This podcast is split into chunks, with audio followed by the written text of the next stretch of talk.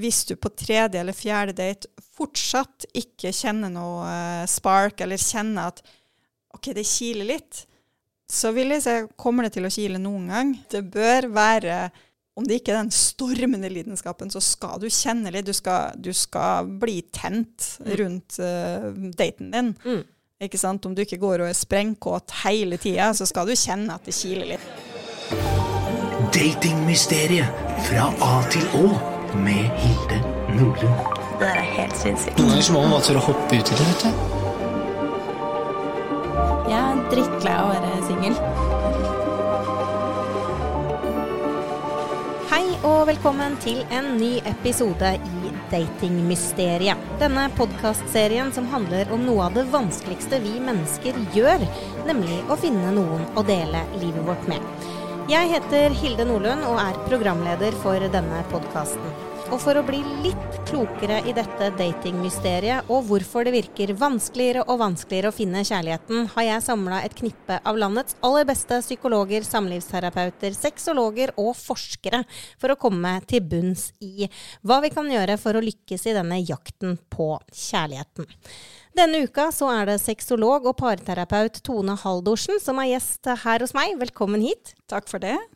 Du, i denne episoden så skal vi snakke om lowbombing og lidenskap og løgner. Men eh, først, hvorfor tror du at det er så vanskelig å finne denne kjærligheten? Jeg tror eh, datingapper har vært eh, noe av det største problemet som har kommet. For det gjorde at vi fjerna alle sansene våre i jakten på kjærligheten. Og sveipekulturen har rett og slett tatt over. Mm. Så det blir eh, for mye fokus på lister og kriterier framfor å bruke sansene våre, som lukt, smak, eh, energi, at den taktile sansen. Vi tar ikke på hverandre, vi lukter ikke hverandre, vi skal sveipe venstre eller høyre. Så det tror jeg har blitt det største problemet vi har så langt. Mm, men vi møtes jo. Altså Hvis man treffer noen på en datingapp, så treffes man jo gjerne på en første date, andre date. Ja. Men hva er mest spennende? Å møte noen på byen eller på matbutikken der du kjenner lukta av dem med en gang. Kanskje du kjenner lukta først, og snur deg til lukta, eller hører lyden av stemmen til noen og tenker 'oi, den var litt spennende'. Enn eh, når du ser etter noen kriterier på et bilde på en app og tenker 'nja, OK, det går sikkert bra', og så skal man gå og være litt spent og lure på hvordan det er.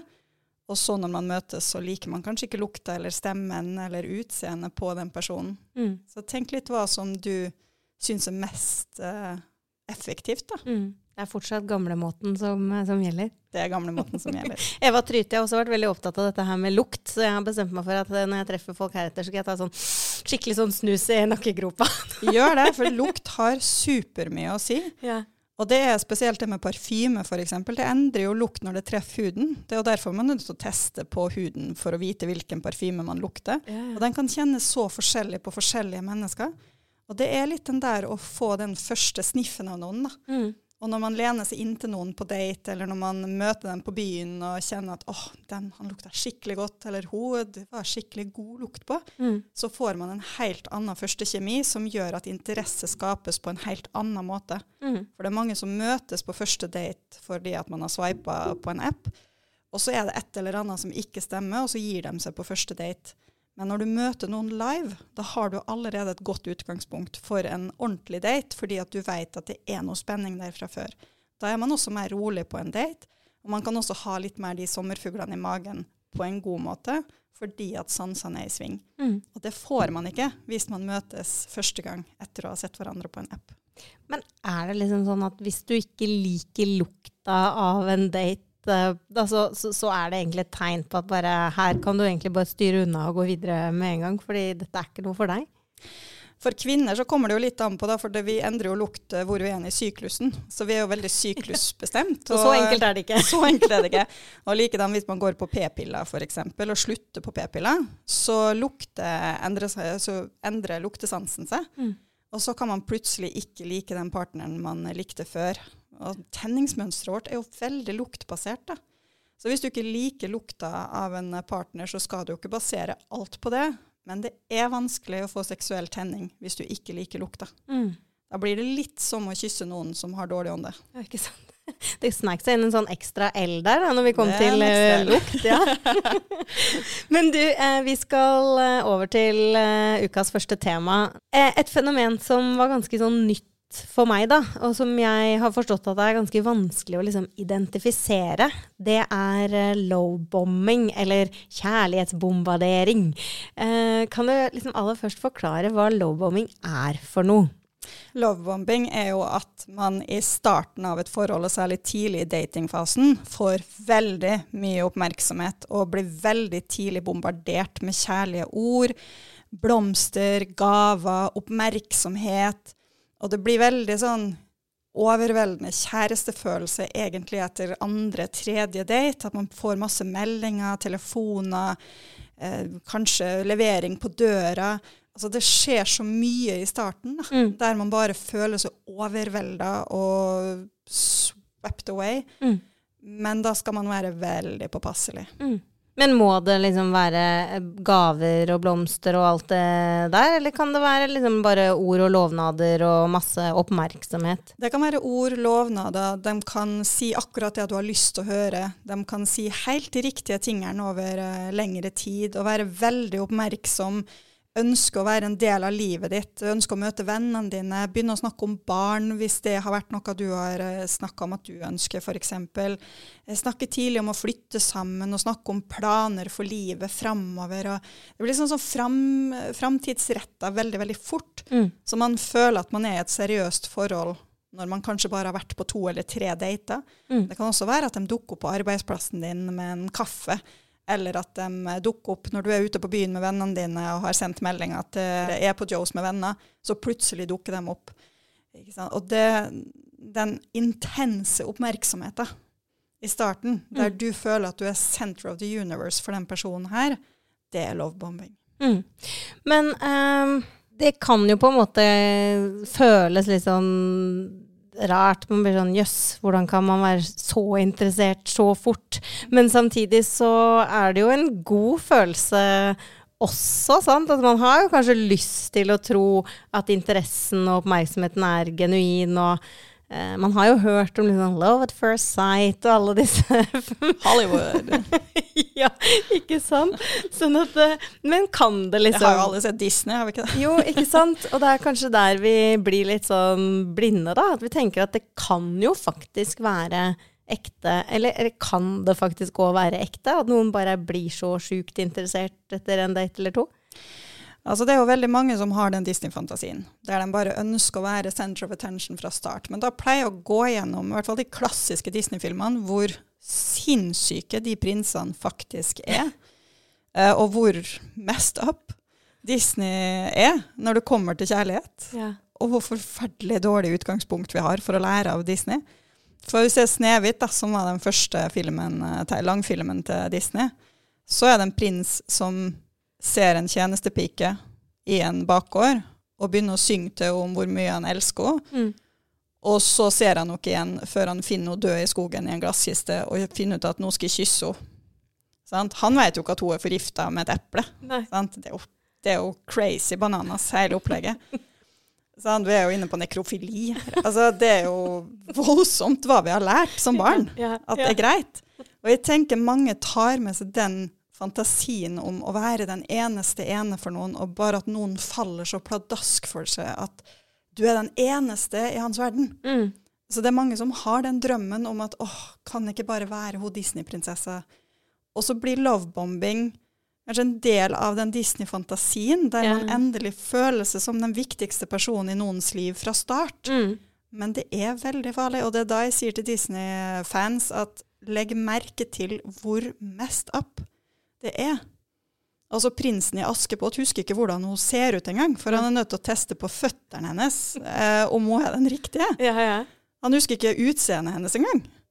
Sant? Men allikevel så elsker han henne overalt på jord. ja, ja. Det er veldig mye mental sykdom innenfor uh, Disney. Altså. Kan Åpenbart. Aldri sett på det på den mye måten før. personlighetsforstyrrelse der. Se Disney med nye øyne. Ja, jeg kommer til å gjøre det nå. Men uh, er det Jeg liker Disney, altså, det skal sies. Jeg elsker Disney. Men er det noen måter vi kan liksom skille lowbombing og genuin oppmerksomhet og, og forelskelse på, da? Hvis du får en dårlig magefølelse, eller begynner å tenke 'oi, det her var litt rart', Da er vi inne på lovebombing. Mm. Hvis du tenker at oi, det her var litt søtt, eller det her var romantisk, så er man inne på en genuin interesse. Og så viktig å se litt hva den personen her gjør ellers i livet også. For med lovebombing så blir det at de legger hele livet sitt til side for å gi det all oppmerksomhet. Mm. Og alt skal gjøres sammen, og man skal være til stede hele tida. Sånn. Mens med genuin interesse så har man fortsatt hvert sitt liv, og at man, det går litt roligere. da. Mm. Man er ikke center of the universe fra start. Mm. Og det er litt viktig. Så man skal kjenne litt på magefølelsen også. at det blir, Føles det merkelig, så skal man ta det alvorlig. Da skal man se på det som et rødt flagg, og så tenke er det her egentlig det jeg ønsker? Og så skal man tenke at man har hørt den podkast-episoden her, og så tenke sånn to ganger før man begir seg ut på noe. Mm. Eh, jeg leste at det, det er veldig vanlig at eh, lowbombing er sånn utbredt blant litt mørkere personligheter.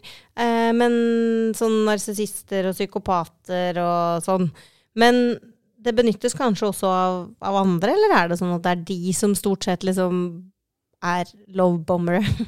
Vi ser det jo eh, mest hos de som har f.eks. narsissistisk personlighetsforstyrrelse. Mm. Nå er ikke psykopat en diagnose lenger, men de som er innenfor psykopatien f.eks., de eh, opererer jo veldig sånn. Mm.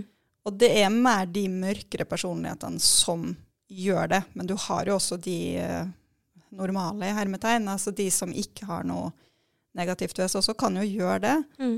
Men det er jo en manipulasjonsteknikk, og vi ser det særlig i fysisk og psykisk voldelige forhold. Mm. Der har det ofte starta med lovebombing. Og det er ofte den lovebombinga de som lever i psykisk og fysisk voldelige forhold, at de ønsker seg tilbake til.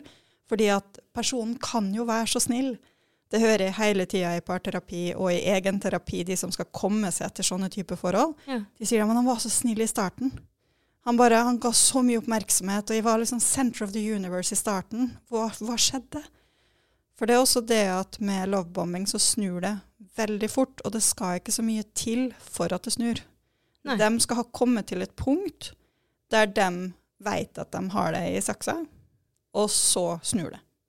Ja. Og da vet de at det er vanskelig for det å komme seg ut. Så de som slipper unna, da, det er de som begynner å stille spørsmål, eller begynner å si du, nå er det litt voldsomt her, hva, hva skjer? Stille spørsmål og være litt kritisk til oppførselen. Da blir man enten ghosta, eller at de skrur opp for å se om det fungerer med litt ekstra. Mm. Eller så eh, blir du rett og slett bare avbrutt, for de ser at de kommer ingen vei. Mm. Så det er sånn å kunne følge litt med også. Hvis du har en dårlig magefølelse med noen som er genuint interessert, da, med tanke på det vi snakka om i sted, så er det også å legge merke til hvordan reagerer de hvis du stiller spørsmål. For de som er genuint interessert, de er ofte åpne for dialog og Mm. sier at ja, OK, men eh, det er bare sånn jeg er som person, eller jeg kan godt roe ned hvis du vil det, eller hva vil du? Ikke sant? At de stiller spørsmålet tilbake.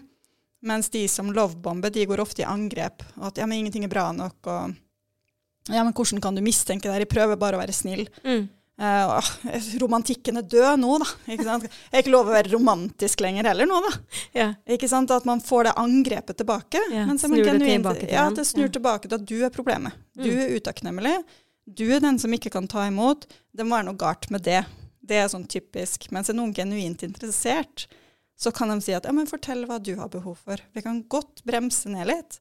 Jeg liker det veldig godt. Så det her var bare min personlighet, men hva liker du? Mm.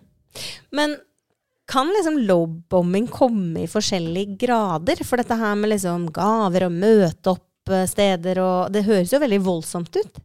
Ja, altså det kommer jo i flere grader, men lovebombing det vil ofte føre til et psykisk eller fysisk voldelig forhold. Eh, Men så har man jo en grad som er litt mer love promising, der man lover og litt sånn store grønne skoger, og, eh, eller gull og grønne skoger, som det også heter.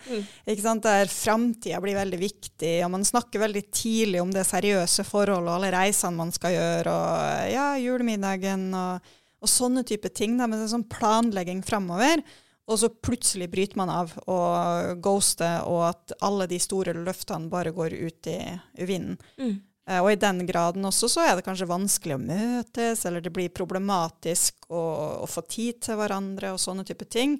Så det vil jeg kanskje si en veldig mild og ufarlig grad av mm. den love-bombingen, at det blir love promising istedenfor. Mm. Men er intensjonen forskjellig på de to lovebombing og love promising, da? Det er jo å få det man ønsker. De som ønsker noen å manipulere og være i forhold med. Den love-bombingen er ofte fordi de ønsker å eie noen. De Mm. ønsker å eie den de forfølger. Mens med love promising, så Nå, nå har jeg ikke prøvd det sjøl, men jeg kan se for meg ut fra hva som blir sagt overalt, det at de da ønsker å oppnå et visst mål. Kanskje følelsen av forelskelse, kanskje de ønsker sex, kanskje de bare ønsker den der opplevelsen av den nyforelska fasen der man planlegger ting, og så hopper de videre til nestemann som de kan uh, få den opplevelsen med. Mm. Så det er mer chasing og feeling, at man jakter etter den spenningsfølelsen tidlig i et forhold, og så bruker de kanskje den ekstreme framtidsplanlegginga for å få det de ønsker, før de da ghoster og går videre. Mm. Og det er veldig lett å ghoste hvis noen f.eks. stiller spørsmål. Og begynner å stille hva, hva skjer egentlig nå, går vi ikke litt for fort fram? Da hopper de ofte videre, og det er der ofte den ghostinga kommer inn i bildet. Mm. Så det er jo stor forskjell på dem. Ja, absolutt. Er det liksom noen av oss som er mer uh, utsatt for, uh, for lowbombing, eller som liksom lettere kan, kan bli utsatt for lowbombing? Det er det jo. Eh, Det er viktig å si at det kan skje alle. Mm. Og alle er sårbare for å kunne bli utsatt for det. Men hvis man har en utrygg tilknytningsstil, eller hvis man har opplevd kanskje være lenge singel, sånn at man er veldig sånn åh, nå trenger jeg kjæreste, nå, jeg orker ikke å være singel lenger. Eller hvis man har mange dårlige opplevelser, eller vært i fysisk og psykisk voldelige forhold før, eller kommer fra en psykisk eller fysisk voldelig barndom, så er man selvfølgelig litt mer utsatt for sånne type ting. Fordi at de som ofte er manipulative, og sånn, de leiter ofte etter offer. De leiter etter noen som er usikre på seg sjøl, lavt selvverd, noen som er veldig mottagelige for det de har å gi, og ofte også de som har veldig mye kjærlighet å gi tilbake. Så fanges de veldig i det der. Mm. Men det kan skje med alle.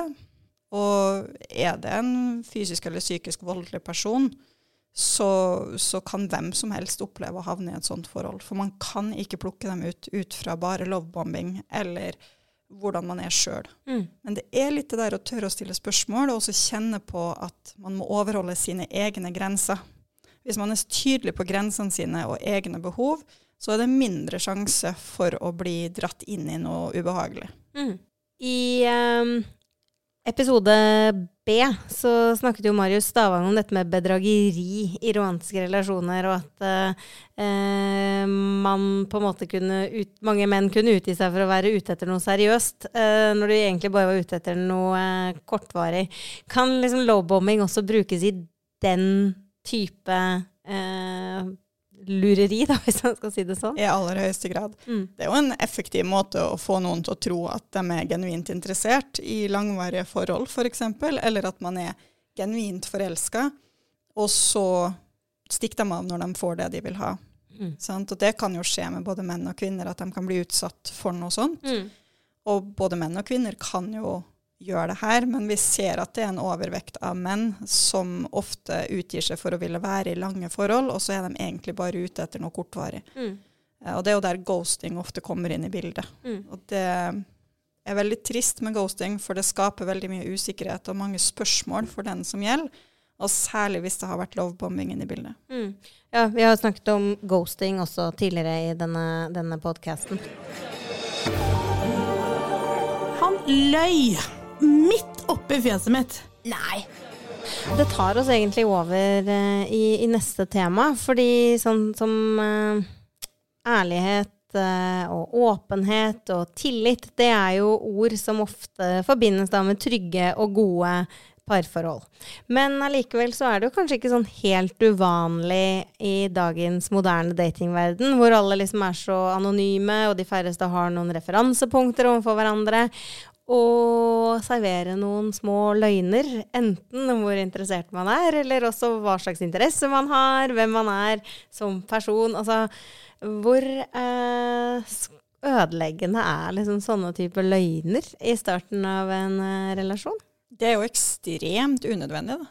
Eh, Det tenker jeg jo eh, absolutt. Altså, Hvis du har behov for å lyve for noe, så må du jo spørre deg sjøl hva er du sjøl ute etter. Mm. Hvis du har behov for å komme med en hvit løgn da, om hvem du er, eller hva du liker, så skal du greie å opprettholde den løgnen over et langvarig forhold. Tenk at du spiller en rolle og utgir det for å være noen andre enn den du egentlig er, sjøl på de små tingene.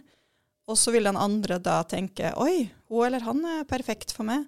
Og så blir dere sammen, og så viser det seg det at du er jo ikke sånn som du sa. Sant? Eller den partneren du har blitt sammen med, viser seg å kanskje ikke like å gå i fjellet. Eller liker ikke å like hengekøye, Mm. sjøl om de sa det på date. Da vil jo det være Du har jo gått inn i et forhold med en forutsetning som da ikke lenger er til stede. Mm. Og det vil jo være skadelig på sikt når man skal prøve å bygge en relasjon.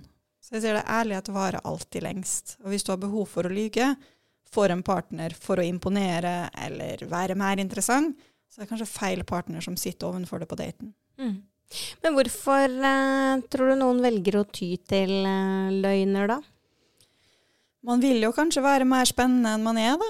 Eller at man eh, har lyst til å matche den man sitter på date med på en god måte. Særlig hvis man har vært singel lenge, så kanskje det frister å ty til noen hvite løgner for å finne partner fortest mulig. Mm. Eh, Det, nå skal jeg ikke si at jeg har vært på så mange dater de siste 15 årene, men eh, det er litt det der å prøve å, å være mer spennende, da.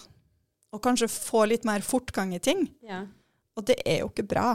Altså Vi ser jo at løgner kan man ikke opprettholde over lengre tid, de fleste av oss. Og mange tror de kanskje er gode på å lyge, men eh, de færreste er det, altså. Men det er kanskje litt sånn forskjell da, på noen hvite løgner som jeg er veldig glad i å gå i fjellet, og så viser man seg at man er kanskje ikke så outdoorsy som man eh, vil gi uttrykk for, enn mer sånn alvorlige løgner da, i et parforhold og, og i starten av en datingfase. Det er jo selvfølgelig forskjell på å si 'like å gå i fjellet' når du egentlig ikke liker det, og si at 'jeg er singel', og så har du en eh, kone eller ektemann i et annet hus i en annen by. Altså. Det, Ja, sånn. det vil jo være stor forskjell på de to tingene. Ja. Eh, sant? Og det er jo ofte små ting som blir løyet om. Det er jo, det er jo ikke sånn kjempevanlig at man uh, lyver om en hel livsstil, f.eks. Mm. Men det vi ser kan være veldig problematisk, i hvert fall jeg som sexolog ser det veldig ofte, at noen har holdt en fetisj hemmelig, f.eks. At man er egentlig ganske opptatt av BDSM eller forskjellige typer fetisj eller kinks. Og så sier man ingenting om det på date, fordi man har ikke lyst til å skremme bort daten. Så blir man kjæreste, og så ser man at oi, shit, nå har jeg satt meg sjøl i en situasjon der ikke jeg får lov til å leve ut mine kinks og mine fetisjer, som er en stor del av meg. Mm. For det glemte jeg å si på date. Eller det lot jeg være å si. Det sa jeg ikke på date. Sant? Og det er jo en, altså det å holde en så stor del av seg sjøl hemmelig er jo en ganske stor løgn. For da vil jo den andre få et sjokk når det kommer opp. Mm. Jeg har jo flere par i parterapi som er nettopp inne på det, der man har holdt en seksuell del av seg sjøl, eller en type del av seg sjøl. F.eks. at man er poli. da. Mm. Og så sier man ingenting om at det er poli, og så går man inn i et monogamt forhold, og så blir det et problem på sikt, og plutselig så skal man snakke med partneren sin om å åpne forholdet. Det blir et sjokk for partner. Ja, ja. Så det er viktig å snakke om de tingene på date. Det virker kanskje ikke så viktig når du sitter der og er interessert og tenker det går sikkert bra, men det vil bli et problem. Jeg kan tilpasse meg. Ja, altså kan man ikke tilpasse en så stor del av seg sjøl på Nei. lang sikt, altså. Men um, dette her med, med interesse, altså sånn Vi var litt inne på uh, Vi skal snakke litt om lidenskap etterpå, men også det her med hvor eh, viktig det er for en med nærhet og lidenskap og så. Nå er vel kanskje litt dumt å ljuge om Ja, det, altså i nyforelska-fasen så vil jo de fleste ha mye sex. Mm. Det er jo sånn vi mennesker knytter bånd. Ja. Vi blir veldig tent i forelskelsesfasen og har lyst på mer sex fordi at det er en stor del av det å bli kjent og det å se passer vi sammen. Mm. Og det veldig mange kvinner gjør feil, og det er at de ikke kjenner seg sjøl. Det er veldig mange kvinner som ikke kjenner seg sjøl seksuelt godt nok til å vite at oi, syklusen svinger sexlysten, eller jobbhverdagen svinger sexlysten. Og så får man kanskje barn, og så er man ikke forberedt på det, og da blir den som ikke har alle de svingningene, som en mann, som har vært eh, det samme siden han var tenåring, og godt kjent med kroppen sin og penisen sin, og eh, utløsning og sex og alt det der, den vil da føle seg avvist. Mm. Og så vil det også være mye forvirring for kvinnen. At liksom, hvorfor mista jeg sexlysten nå? Og det snakker vi så mange om. Og det er så trist å se hvor lei seg de blir, fordi at Ja, men jeg hadde jo så mye sexlyst i starten. Mm. Og så hvis man ikke da er vant til å være i langvarige forhold heller fordi man har vært mye på datingmarkedet, så er det så vanskelig å vite at sexlysten forsvinner Mm. etter at nyforelskelsesfasen kanskje legger seg. Uh, altså forsvinner i den grad at det blir mindre. Da. Ja, ikke sant. Og det trenger ikke å bli det, men for mange blir det det. Ja. Og da er det litt den Har jeg løyet? Har jeg framstilt meg for å være noe jeg ikke? Så sex er veldig viktig å snakke om på date. Mm. Og nærhetsbehov.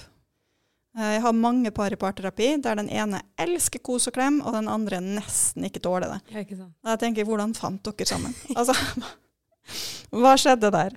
Ikke sant. Vi skal tilbake til lidenskap eh, veldig snart, men ehm, jeg bare lurer på det her med liksom, hvis man har liksom løyet, da, eh, og partneren finner ut av det, hvor ødeleggende er liksom egentlig løgn for et parforhold?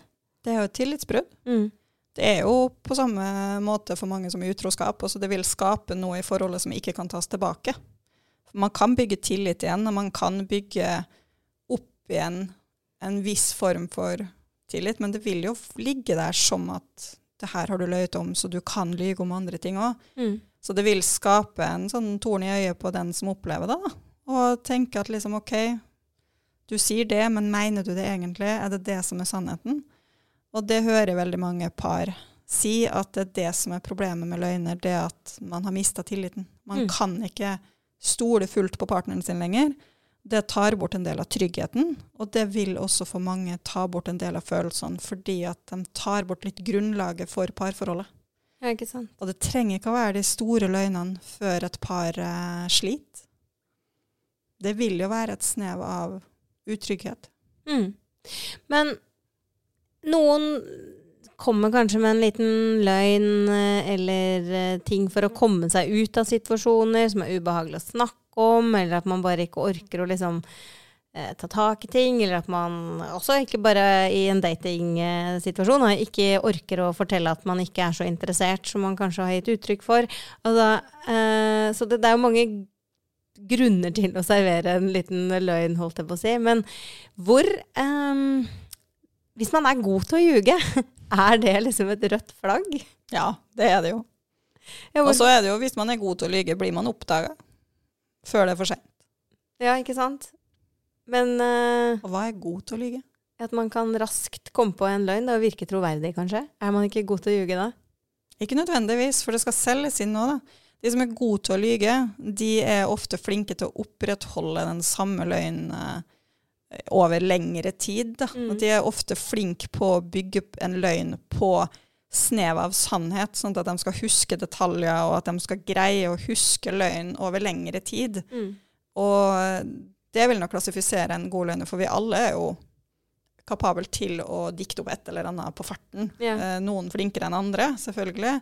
Noen er helt elendige, men mange av oss vil det. Det ligger i menneskers natur å kunne lyge, og Mm. særlig hvite løgner. Og alle har vel på et eller annet tidspunkt i livet sagt noe som Altså, jeg sa til en date for mange herrens år siden at eh, ja, jeg ringer i morgen. Jeg gjorde jo ikke det. Sånt, Eller, det er kanskje eh, den vanligste løgnen. jeg husker jeg husker sa til en en gang eh, Det ble en sånn personal story, men jeg, jeg var veldig sånn at jeg ikke skulle ha one night stand. Mm. Og så sa jeg til en jeg møtte på byen, og var veldig tydelig på at ja, men jeg er ikke sånn one night stand-jente. Og da sa han nei, men det er ikke jeg heller. Sånn, jeg heller liker ikke one night stands. Men han var elendig i senga. Ja. Altså virkelig, virkelig dårlig. Sånn Det her kan jeg faktisk ikke ha sex med igjen-opplegg. Uh, og da Da var jeg jo 20, da. Så. Men uh, du sier jo ikke det at du er skikkelig dårlig i senga, så jeg kan ikke ta kontakt med deg lenger.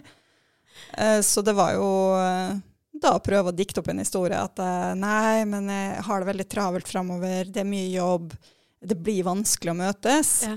Og så da ha det veldig travelt framover til han ga opp å ta kontakt. Så han trodde at du var en one night stand-jente? Ja, noe sånt. Men det, var, det var greit for å slippe å sex med han. Ja. Han får tro hva han vil. Men uh, det er litt det der at vi Noen ganger så vil vi jo lyge for å unngå å såre. Mm. Sant? Men i et parforhold så kan det føre til større skade, for det vil jo komme fram Mm. at du kanskje mente noe annet. For en konflikt blir jo ikke løst fordi at man lyger. Men i en uh, datingsituasjon, da, som jo Mm. denne podkasten tar for seg, i jakten på kjærligheten Hvis man på en måte har uh, opplevd uh, og blitt løyet til før, f.eks., så blir man jo kanskje litt mer mistenksom og, og redd for at det skal skje igjen. Mm. Hvordan kan man liksom eh, forsikre seg om at den neste man møter, liksom er mer ærlig og redelig? Det kan man ikke forsikres om. Nei. Det fins ingen garanti eller test i verden som kan uh, si noe sånt. Altså Til og med løgndetektortester kan man uh, fake innimellom. Altså. Mm. Så det er rett og slett å velge å stole på partneren, og ikke overføre andres feil til den nye du møter. Mm. Eh, Og det ser jeg veldig ofte i datingverdenen. Så ser jeg at veldig mange sier at ja, men jeg har opplevd at de to siste kjærestene mine er utro, så jeg antar at uh, han her som vi skal date i morgen, også kommer til å være utro. Yeah. Men han kan jo ikke skyldes for de to andres feil. Nei. Så har du opplevd mange løgner, sånn, så vil jeg anbefale likevel å ikke, eh, ikke anta at eh, han eller hun du skal møte, gjør samme som de andre har gjort. Mm. Og hvis det viser seg at han gjør det likevel, da, så vil jeg si, men hva er ditt mønster? Mm. Hva er ditt mønster som gjør at du gang på gang opplever de fyrene her? Så da vil jeg heller Eller damene. Eller damene. Mm. Altså nå ble jeg veldig på menn, da, men Mm. eh, alle kjønn. Mm. Ikke sant? Og da vil jeg heller si at men prøv å se på ditt eget mønster. Ja, ikke sant. Og så er det, det er jo et litt rødt flagg også å være veldig mistenksom og usikker også. Det, kan, det kalles jo erfaring. Ja. Altså, har man opplevd ti av ti dater der det har gått gærent, så vil jo den ellevte daten eh, føles mistenksom. Ja. Sant? Så det går jo på hvilken bagasje man har, og hvilken erfaringer man har. Men hvis man dater den samme personen ti ganger, så ville jeg ha sett på sitt eget mønster og se hvem er det egentlig leter etter. Mm. Mm. Hva gjør at de møter den samme fyren flere ganger, og hva gjør at de blir ghosta for tredje gang på rad? Mm. Hva er ditt mønster? Ikke sant. Ikke sant.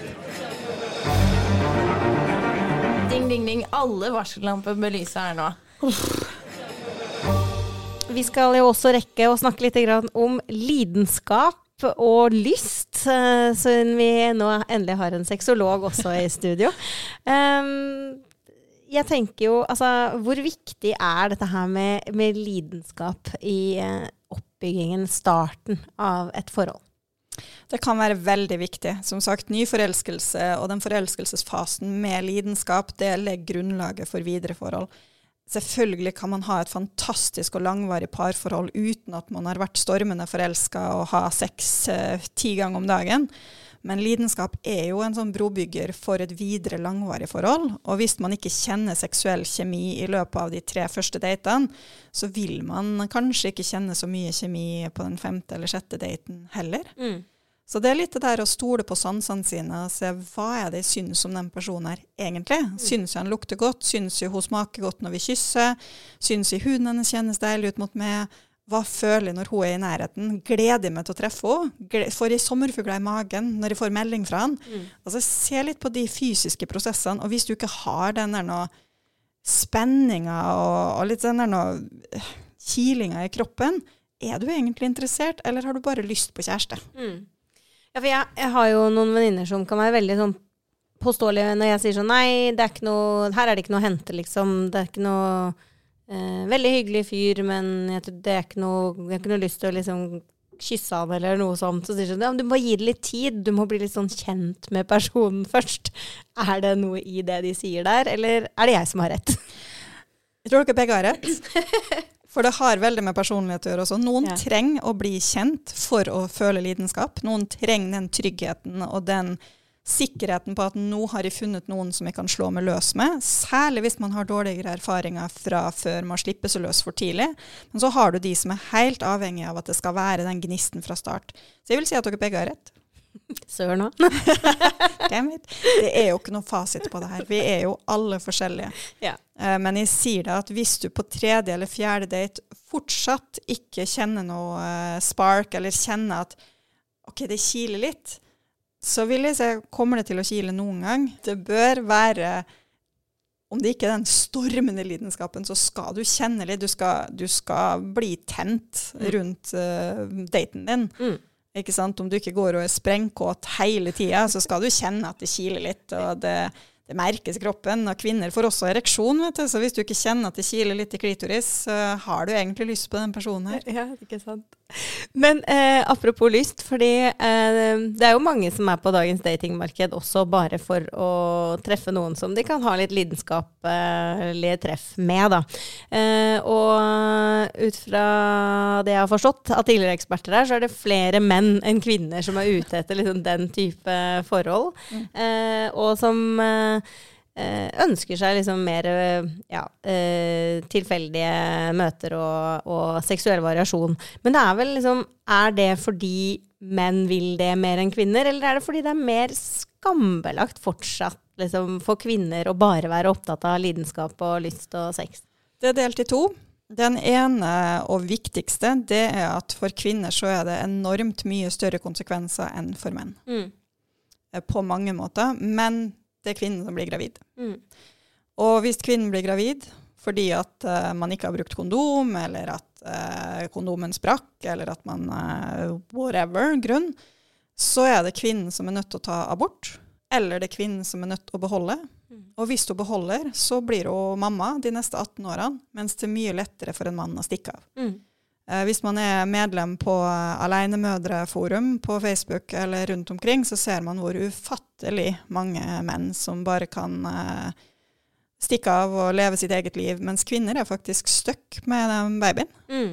Eh, og det, Så veldig inngripende i så det er veldig inngripende. Så Altså, du kan Mm. risikere at de neste tre årene så er du stuck pga. et one night stand. Mm. Sant? Og du er ikke ferdig etter tre år, men mange mister sexlysten helt de to første årene av et babys liv. Og der kan menn stikke av. Mm. Sant? Så menn kan jo spre seg rundt, mens kvinner er veldig avhengig av hvilken gener er de fører videre, og hvor støkk blir det på det her.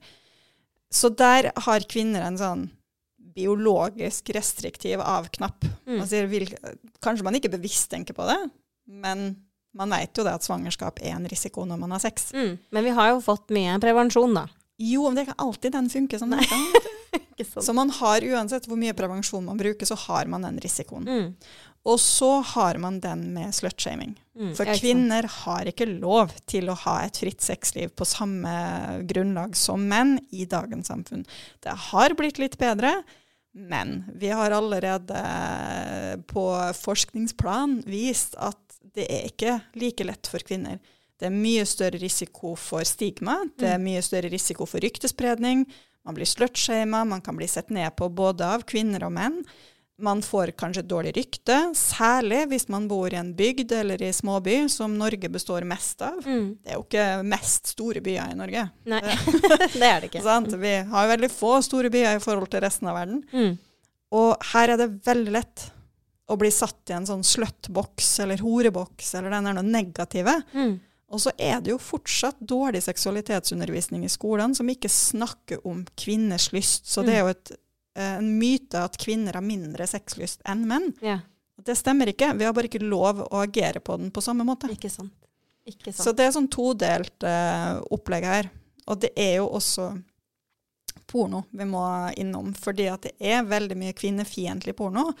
Og det gjør at veldig mange kvinner har negative opplevelser med menn. Både på one night stand, i parforhold og generelt med sexpartnere. Og får mye dickpics, de får mye ufine meldinger på Tinder. Så mange kvinner trekkes også unna menn. Fordi at de er så usikre på hvem er de møter. Og de har ikke lyst til å være statist i en manns pornofilmfantasi. Nei. Eh, Og det høres veldig generaliserende ut, men Ja. sånn er det faktisk. Og det, så det er litt sånn Kvinner taper på ganske mange områder når det kommer til det her, da. Det er jo veldig trist, men samtidig så tenker jeg jo det, det er jo mange damer der ute også på datingmarkedet som gir inntrykk av at de bare er ute etter å ha en, en, noe tilfeldig, da. Eh, Og, Absolutt. Og da skjønner liksom, Hvorfor finner ikke de mennene som vil det, og de damene som vil det, hverandre? Si det. Man skulle jo tro at de eh, møttes på et tidspunkt, men Ja. de vil kanskje forskjellige ting, da. Jeg vet ikke, Kvinner eh, som jeg snakker om, som bare har lyst til å ha et fritt sexliv, de vil jo gjerne ha faste sexpartnere. De har ikke lyst til å ha lidenskap med et one night stand uh, ti ganger altså ti lørdager på rad, de vil jo gjerne ha en fast sexpartner eller flere faste sexpartnere som de også kan ha et vennskap med. Mm. Det er i hvert fall de jeg snakker med. da. Man krever litt mer, ja, det liksom. krever litt mer. Altså, kvinner de ønsker kanskje en litt dypere connection. Mm. Trenger ikke å være kjærestefølelser, og, altså, men de, de trenger litt mer. da, En trygghet, på en måte. Mm. Mens menn er litt mer uh, åpen for at one night stands og uh, sånn kan eh, være aktuelt. Mm. Og så hørte jeg også at liksom damer veldig mye raskere knytter seg sånn følelsesmessig til en mann hvis man har ligget sammen, enn hva en mann gjør til en kvinne. Ja, Og det er jo fordi at kvinner har jo hovedkomponentet østrogen i kroppen vår, og det er følelsesstyrt. Mm. Det er Ja, følelseshormonet. Ja. Eh, Så østrogenet gjør at vi kjenner mer på følelser enn menn. Mm. Hjernen vår er også kobla på en annen måte, sånn at vi bruker mye større del av begge hjernehalvdeler Mm. enn menn gjør. De er flinkere til å kategorisere tankene sine. Da.